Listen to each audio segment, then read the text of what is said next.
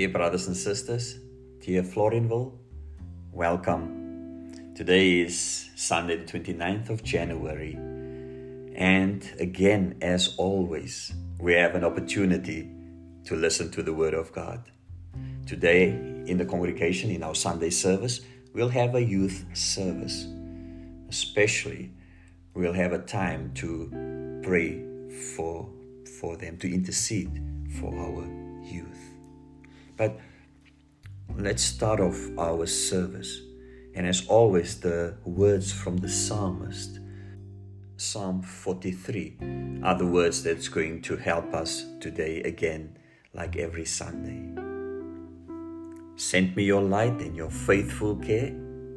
Let them lead me. Let them bring me to your holy mountain, to the place where you dwell. Amen. Dear brothers and sisters, as always, the Lord is with us. I'm, I will be reading from the message, our text for today. Our text for today is Exodus 17, from verse 8 up until verse 16. It reads as follows Amalek came and fought Israel at Rephidim. Moses ordered Joshua, Select some men for us and go out and fight Amalek. Tomorrow I will take my stand on top of the hill holding God's staff. Joshua did what Moses ordered in order to fight Amalek. And Moses, Aaron, and Hur went to the top of the hill. It turned out that whenever Moses raised his hands, Israel was winning. But whenever he lowered his hands, Amalek was winning. But Moses' hands got tired. So they got a stone and set it under him. He sat on it, and Aaron and Hur held up his hands, one on each side. So his hands remained steady until the sun went down. Joshua defeated Amalek and its army in battle. God said to Moses, Write this up as a reminder to Joshua to keep it before him, because I will most certainly wipe the very memory of Amalek off the face of the earth. Moses built an altar and named it God my banner. He said, Salute God's rule. God at war with Amalek, always and forever. This is the word of our Lord. Sisters, brothers, the Joshua generation, and I'm not talking about, you know, any modern day Joshua generation, you know, people who call themselves that. No, I'm specifically referring to the generation in the time of our text, in the time of the Old Testament and Moses. And they were the sons and daughters of the Israelites who lived in Egypt. This generation did not remember Egypt or the hardship of slavery that their parents had to endure. Joshua and his generation were, however, the ones who conquered the promised land. It's been said the difference between them and the previous generation, that's now the Moses generation, was Moses led a people who had to see miracles to obey, but Joshua led a people who obeyed and saw miracles. So, for Joshua and his generation, it was always first obedience and then miracles will follow. So today we are touching a bit on Joshua's life. The first time we read of Joshua is here in Exodus chapter 17. According to our text, he was appointed to lead the fight against the Amaleks. At Rephidim, this battle took place. Now, if we step back for a moment, since their wilderness journey started in Exodus 14, there was a lesson, a lesson that they had to learn at each stage. The Red Sea was the place of salvation. Remember the words of Moses the Lord will fight for you. You need only to be still. And then followed the bitter water of Marah. It was a place of testing. Elim was the place of resting. And then followed Massah and Meribah, where they tested the Lord and was warned as well. Now they are at Rephidim, the place of battle. And as always, there is something to be learned here as well. So Moses is on the top of the hill, of a large hill, overlooking the battle, praying while Joshua was fighting. And as long as his hands were outstretched in prayer, Joshua and his men was winning. Lowering his hands, and the Amalekites would be in control. And so, just maybe because Moses was an older person, uh, and he couldn't hold up his hands for all that time. So they gave him a stone to sit on. And Aaron and her supported his arms until the battle was won. I think we have to pause here for a moment. I think I have to point out the two generations Joshua and his men fighting Moses, uh, Aaron, and Hur on top of the hill. I think I have to highlight these two generations supporting one another, the importance of community and the importance of prayer as well. The outcome of the battle depended on Moses on the hill. Now, today, and when I think of our youth, we live in a world where we have to fight battles every day. Every day. And we know this is true for all of us. This past week, we had our week of prayer, and we spoke, I think at the first night, we spoke about self rejection, the struggle to see yourself as worthy and loved. But there are many more. The struggle not to become dependent, you know, for instance, whatever it may be, anything from alcohol, drugs to social media. There is always the danger of depression you know, the struggle to find purpose and also the struggle to succeed. Our youth facing so many challenges on a daily basis and they have to overcome them so that they can be successful in life. And so the list go on and on, you know, about struggles um, and also challenges for our youth. Again, our text as long as Moses is praying, Joshua is overcoming. Last year, we did the series on prayer, the hour that changes the world. And one of the examples of somebody with a good life of prayer was John Wesley's mother, Susanna. And with no place to pray, she would cover her head with her apron and while her children is playing around her, she would pray for them. And John Wesley became one of the greatest evangelists of the 1700s. I also remember Moses' mother pleading to God to save her son. And based on a prayer, he was saved. And Moses saved the whole of Israel. So, this is also what we are going to do today. We are standing in the gap we are praying, we are asking for protection, for reformed hearts, for new life. We're asking for a bright future for our young people, our children, our youth, but also for everybody today.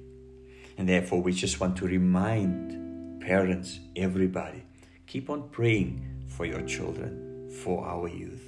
James 5, verse 16 the prayer of a righteous person is powerful and effective. This is our calling, you know. This is what we have to do.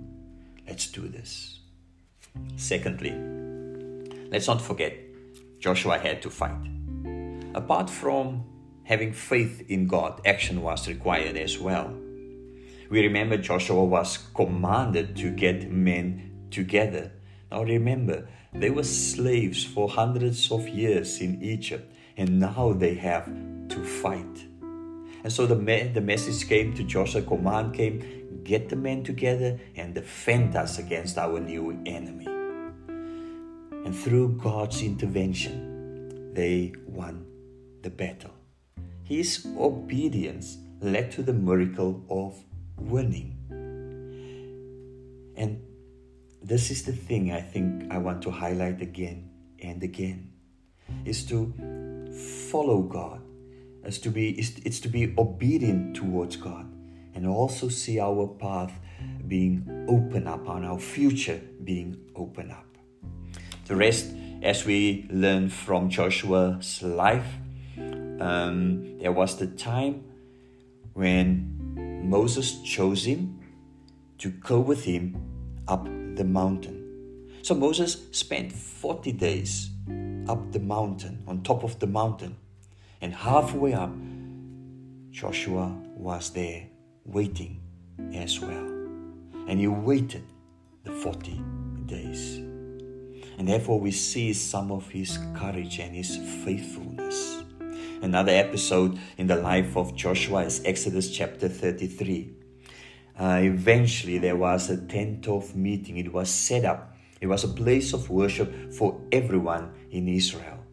And Moses, of course, would enter the tent and would speak to God on behalf of Israel. You know, and it's been a special time for Moses because it seems like the Bible say, says that Moses and God were like friends. But Joshua was the only one who also entered the tent of meeting, while the rest of the Israelites would sit outside of their tents, waiting for Moses to come back.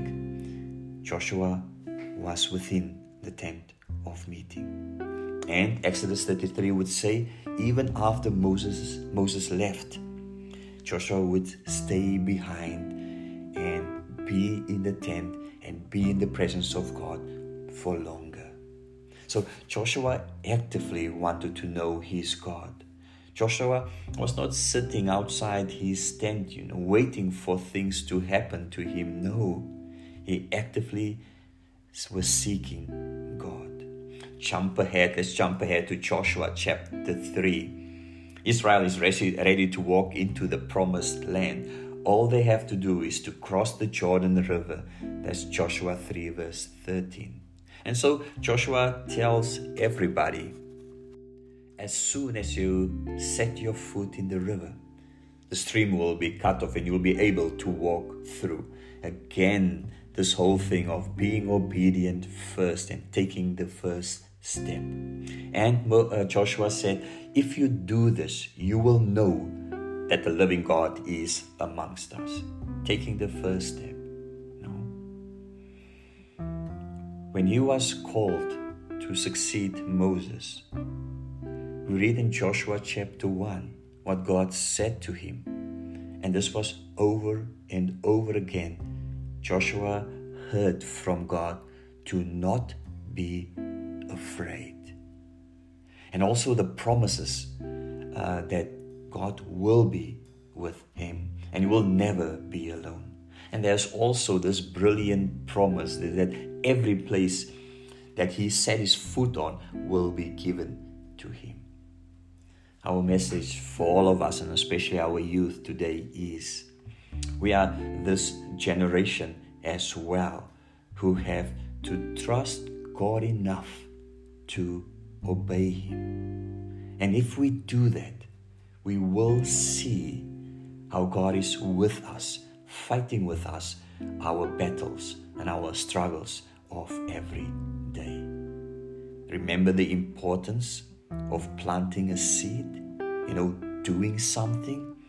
And in nature, when you plant a seed and there's water and there's sunlight, it will grow. Brothers and sisters, for today again, when we think of our youth and our young people, we know that each of our generations have a task whether it is to support, to pray, whether it is to step out in faith. But if we do this, you know, if we are faithful to what we are called for, we will see results. Let's do this. Amen. Heavenly Father, thank you for an opportunity like this. And thank you for reminding us of our calling towards one another during these difficult, difficult times that we live in. And again, we bring all of our young people, not only the ones in our home, Heavenly Father, but also the young people in our congregation and in our community. And we see how they struggle. And at times, Heavenly Father, they struggle alone. And we want to just stand in the gap for them. And again, Lord, asking you, please help our young people to succeed in life, to be your children, to live a life that is worthy of living. Please, Heavenly Father, thank you that we can pray and give our young people again this ability to see you, and also based on that, to be obedient to your call. In Jesus' name. May the grace of our Lord, may the love of God our Heavenly Father, and the presence of the Holy Spirit be with us all.